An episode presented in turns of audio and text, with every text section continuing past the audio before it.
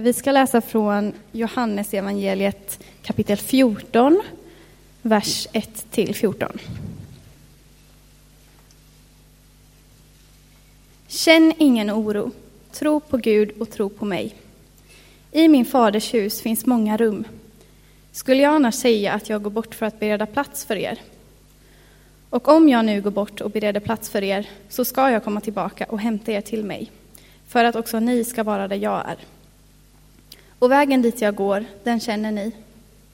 Thomas sa, Herre, vi vet inte vart du går. Hur kan vi då känna vägen? Jesus svarade, jag är vägen, sanningen och livet. Ingen kommer till Fadern utom genom mig. Om ni har lärt känna mig ska ni också lära känna min fader. Ni känner honom redan eh, och ni har sett honom. Filippos sa, Herre, visa oss Fadern, det är nog för oss.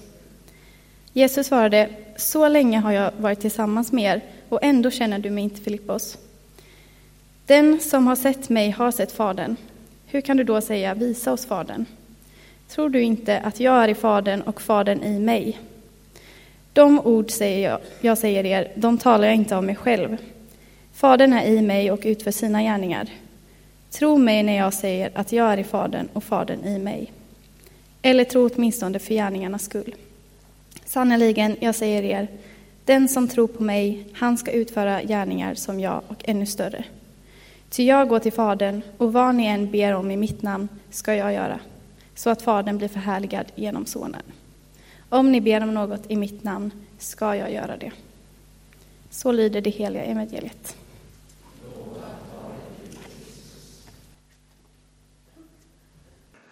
Hjälp oss just denna stund att göra just det. Ta vara på ditt ord. Amen. När jag bodde i Eskilstuna var jag vid ett tillfälle på Stadshotellet i stan.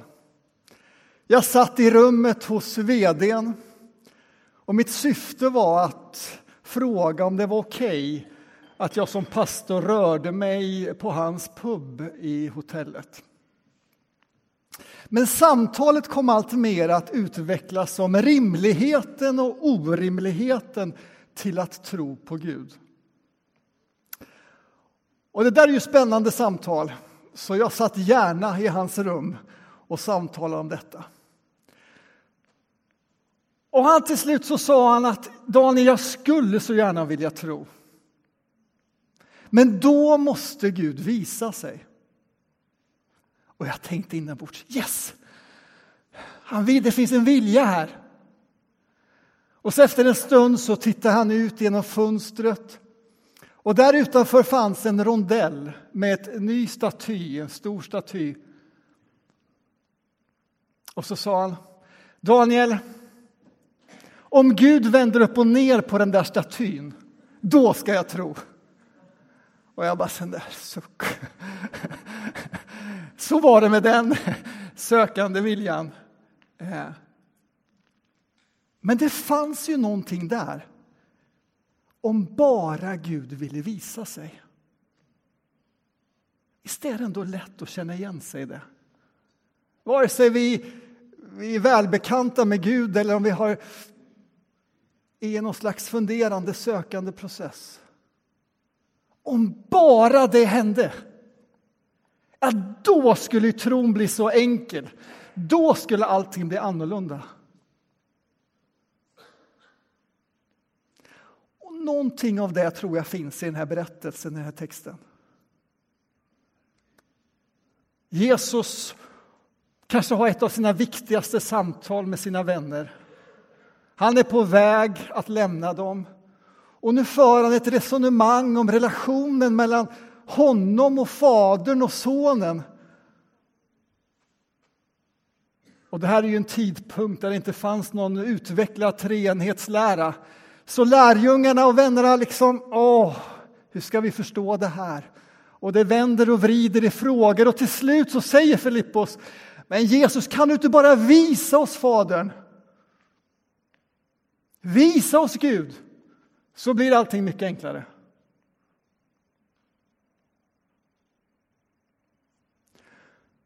då hade det väl varit rimligt för Jesus att svara Filippos, så länge har du och jag varit tillsammans och du har ju sett så många av undren och tecknen. Det är inte riktigt hans svar. Va?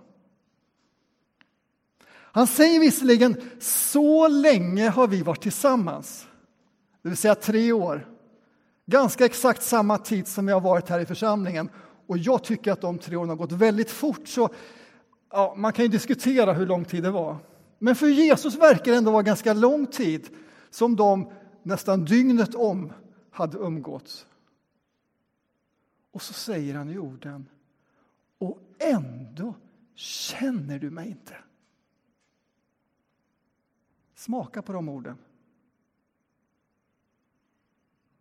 Ändå känner du mig inte.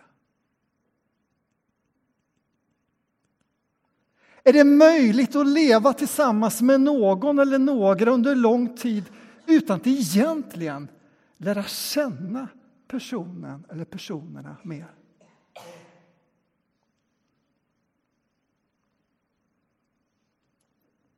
Uppenbarligen hos Jesus fanns en längtan och en förväntan av någonting som inte riktigt hade klickat. Så länge har jag varit tillsammans med er, men ändå känner du mig inte. När jag ibland leder retriter, det vill säga man bjuds in i ett antal tysta dagar för att vara i samtal med Gud så är det inte ovanligt att människor som kanske har varit kristna sedan barnsben kommer till en punkt där de säger jag kan alla berättelserna i Bibeln. Jag vet precis vad som händer i kyrkan, vart var och en sitter och vilka sånger som sjungs och hur man ska bete sig. Men jag kommer till en punkt där jag tvivlar på, känner jag verkligen Jesus? Och Det kan vara en ganska smärtsam punkt att komma till om man har haft en trygghet i att jag har koll på läget under många år.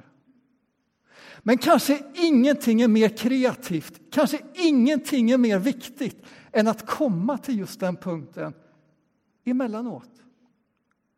Jesus, Gud, Fader, känner jag dig? Vad är det som får en relation att fördjupas, att mogna, att lära känna någon mer? Om du inte hör någonting mer av vad jag säger idag så vill jag att du hör den frågan. För den vill jag, skulle jag vilja att du gick med hem och så kan du applicera den frågan på i stort sett vilka relationer du vill. Det kan vara någon av de här tre. Antingen relationen till Jesus, som det här handlar om mellan hans vänner och Jesus.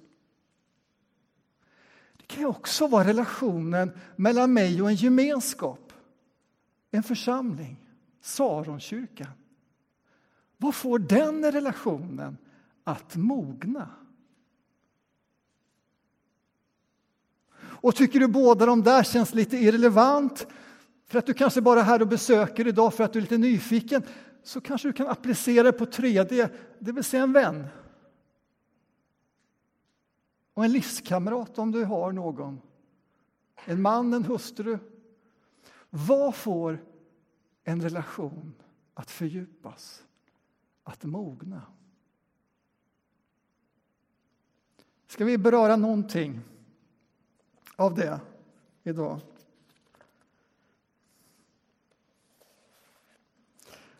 Och då är det väl naturligt att fråga sig vad kännetecknar en relation som fördjupas och mognar? Vad präglar en sån relation?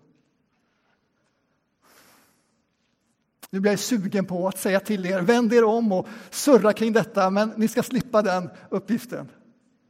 Utan jag tar hjälp istället av min frus arbetsplats. En förskola. Hur många jobbar i förskolan? Ja, det är några händer här, förutom Gittan som är min fru här. Eh, När hon berättar om sin vardag och när jag ibland besöker förskolan hon är på så ser jag vad är det hon upptas av hela dagarna.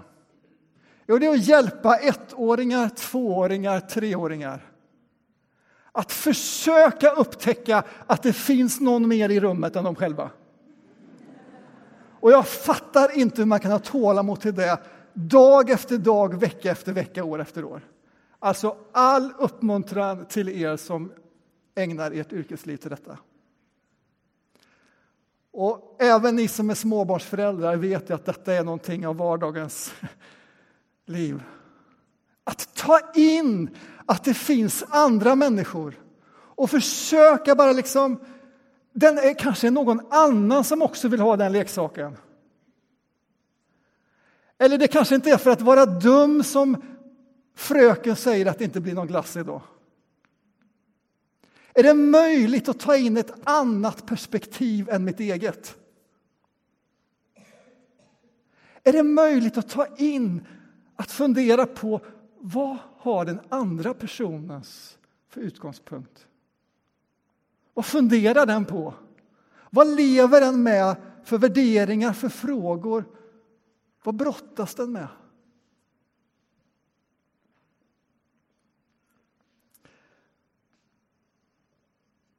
Vi stannar ju inte vid ett, två, treårsåldern utan vi blir äldre och förhoppningsvis mognar vi. Men jag tror ändå vi kan känna igen oss i detta. Även när man är runt 50. Därför att syndens böjningsmönster vill fortsätta få mig att sätta mig själv i kosmos centrum och utgå ifrån att allt är som jag tänker och tror och är övertygad om.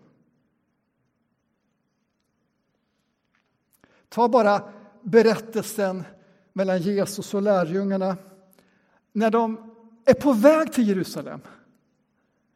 Det vill säga några kanske dagar före det här viktiga samtalet. Vad händer då?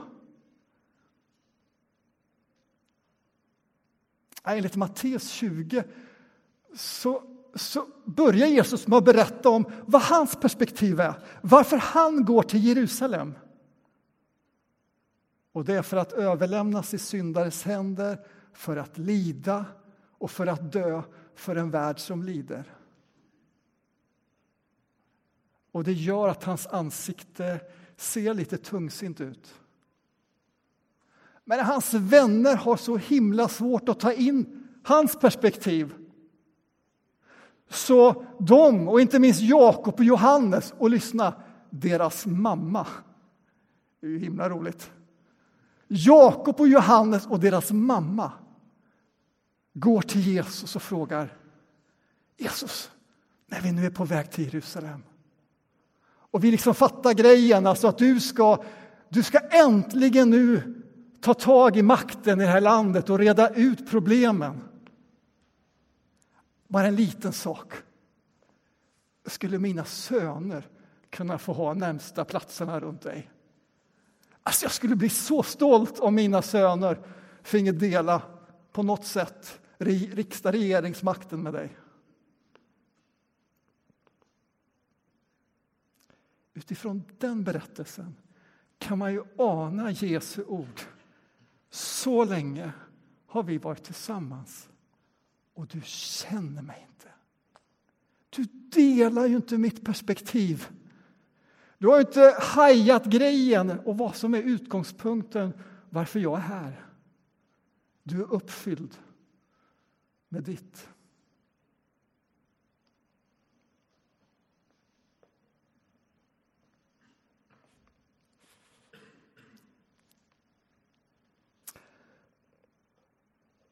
Vad får då en relation att mogna?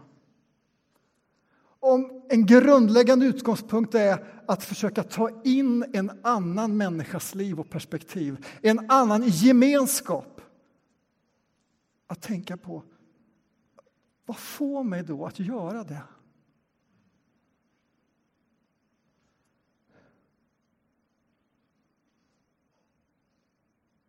Kan ju bara ställa den frågan i de där tre perspektiven. Jag märker i alla fall när jag och Gittan slutar fråga varandra på kvällarna. Hur har din dag varit? Och när jag slutar fråga, för det är oftast jag som slutar fråga. Vad har fyllt din dag idag? Vad har bekymrat dig idag? Vad blev du glad över den här dagen? Vad har tyngt dig? Ibland ställer jag de frågorna bara för att jag vet att jag ska göra dem. Och ibland så är jag verkligen nyfiken. Att försöka ta in en annans perspektiv för att få en relation att fördjupas. För det är väldigt lätt att annars stannar vi praktisk logistik eller överenskommelse för att få vardagen att fungera. Vare sig det handlar om Gud, församlingen eller sin livskamrat eller någonting annat. Men då blir relationen i platå och kanske till och med att man landar efter några år. Känner vi varandra?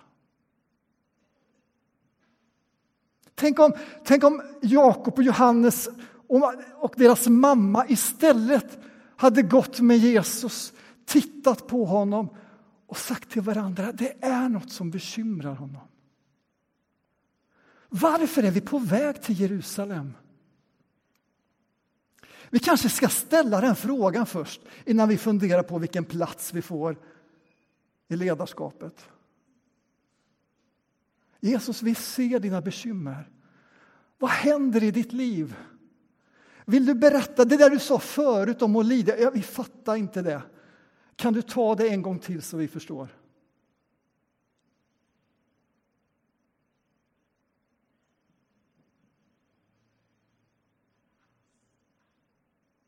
Tänk om politiker som i ett antal debattprogram just nu kunde ha lite av den touchen.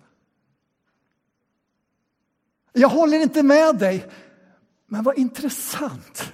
Vad får dig att tänka så där? Berätta mer! Du får min tid i tv för att berätta om hur det kommer sig att du drivs av det där. Ja, det är en naiv tanke att tro att det skulle bli så. Men tänk om det skulle få finnas någonting mer av det än att bara ha vem har mest dräpande kommentarer för att efteråt vinna omröstningen om vem som vann debatten. Jag kanske är naiv när det gäller politiska. Joakim, du får korrigera mig sen. Men nog skulle vi det perspektivet behöva växa i våra liv, i gemenskapen, i vårt samhälle. I relationen till Jesus, tänk att nu i EU-valtider ställa sig frågan till Jesus. Jesus, när du ser på Europa, vad tänker du då? Vad ser du då? Vad fyller dig med glädje och tacksamhet över Europas utveckling? Och vad får dig att känna smärta? Oroas över?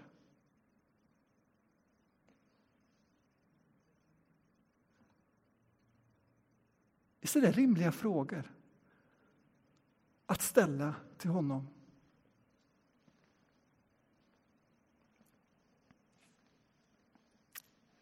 Så länge har jag varit tillsammans med er och ändå känner du mig inte.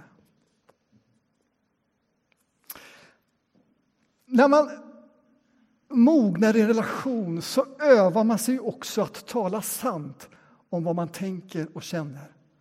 Även om det är så otroligt mycket mer lättsamt att gå till någon annan och tala om det, den personen det gäller vilket människan i alla tider har brottats med.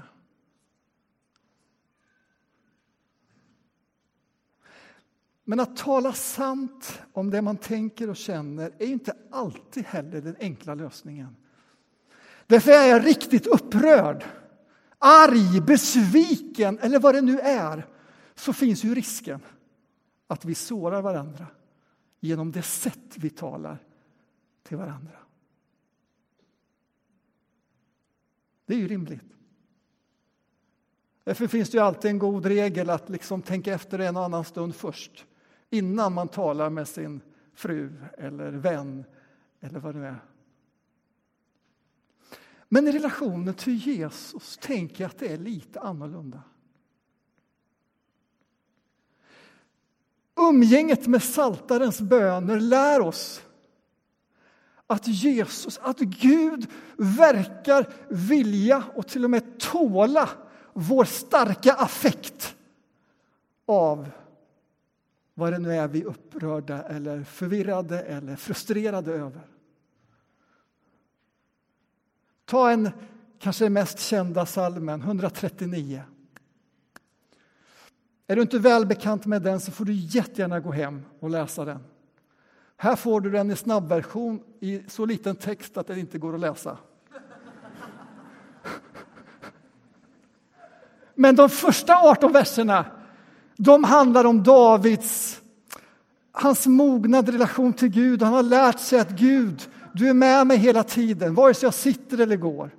Vare sig jag sticker till Göteborg, Stockholm, vart jag än befinner mig. Och dessutom, allt jag tänker vet du redan om innan jag ens sätter ord på det. Och du håller mig i din hand. Här är en, åh, en mognad och en tillit mellan David och Gud som vi gärna idisslar över och som är så viktiga.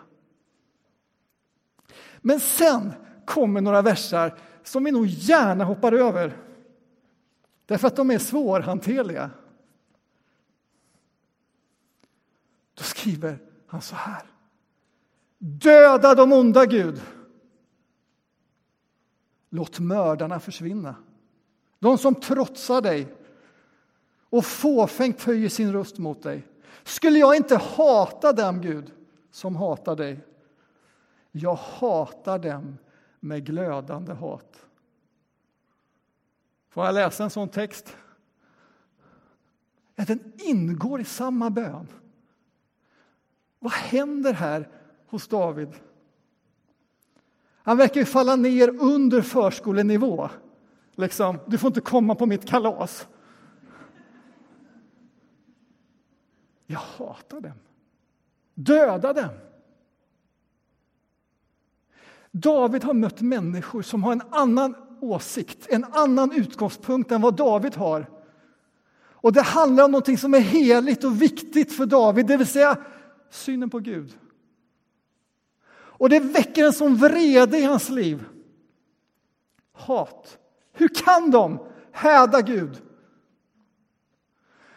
Och nu vet vi inte om David går till dem och pratar med dem och så här känner jag inför det. Eller om han går till någon annan och pratar om dem.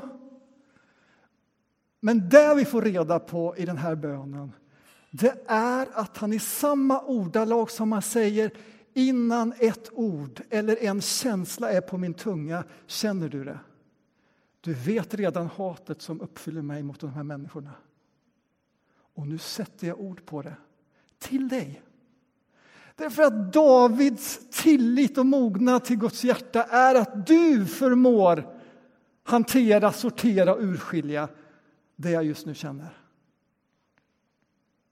Och Jag tycker att det är ett fantastiskt vardagligt tips när man är upprörd på sin livskamrat, på vem det nu kan vara att innan man i all för stor affekt säger det till personen först tar det och säger det till Gud.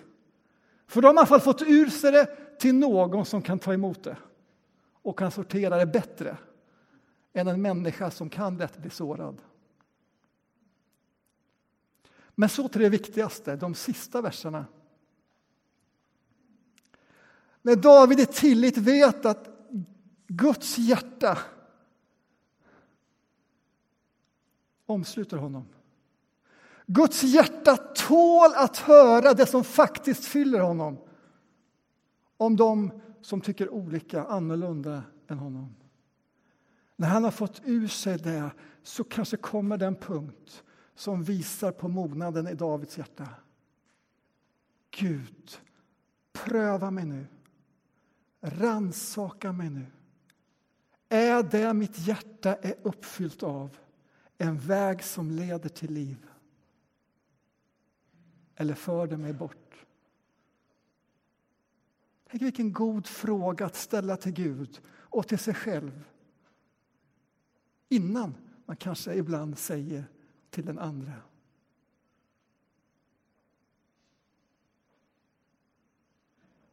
Och du får jättegärna ta med dig den här salmen som vi gjorde en snabb genomgång på för att se om den kan hjälpa dig i den eller de relationer som skaver i ditt liv. Gör som David. Uttryck din önskan om tillit. Uttryck dina verkliga känslor och be om hjälp att pröva din väg. Så länge har jag varit tillsammans med er och ändå känner du mig inte. Vi människor söker tecken för att befästa våra övertygelser, för att befästa uppfattningar. Och ibland är det helt rätt. Men Gud inbjuder oss till någonting större än så. Att känna hans hjärta. Därför att den vägen leder till liv. Amen.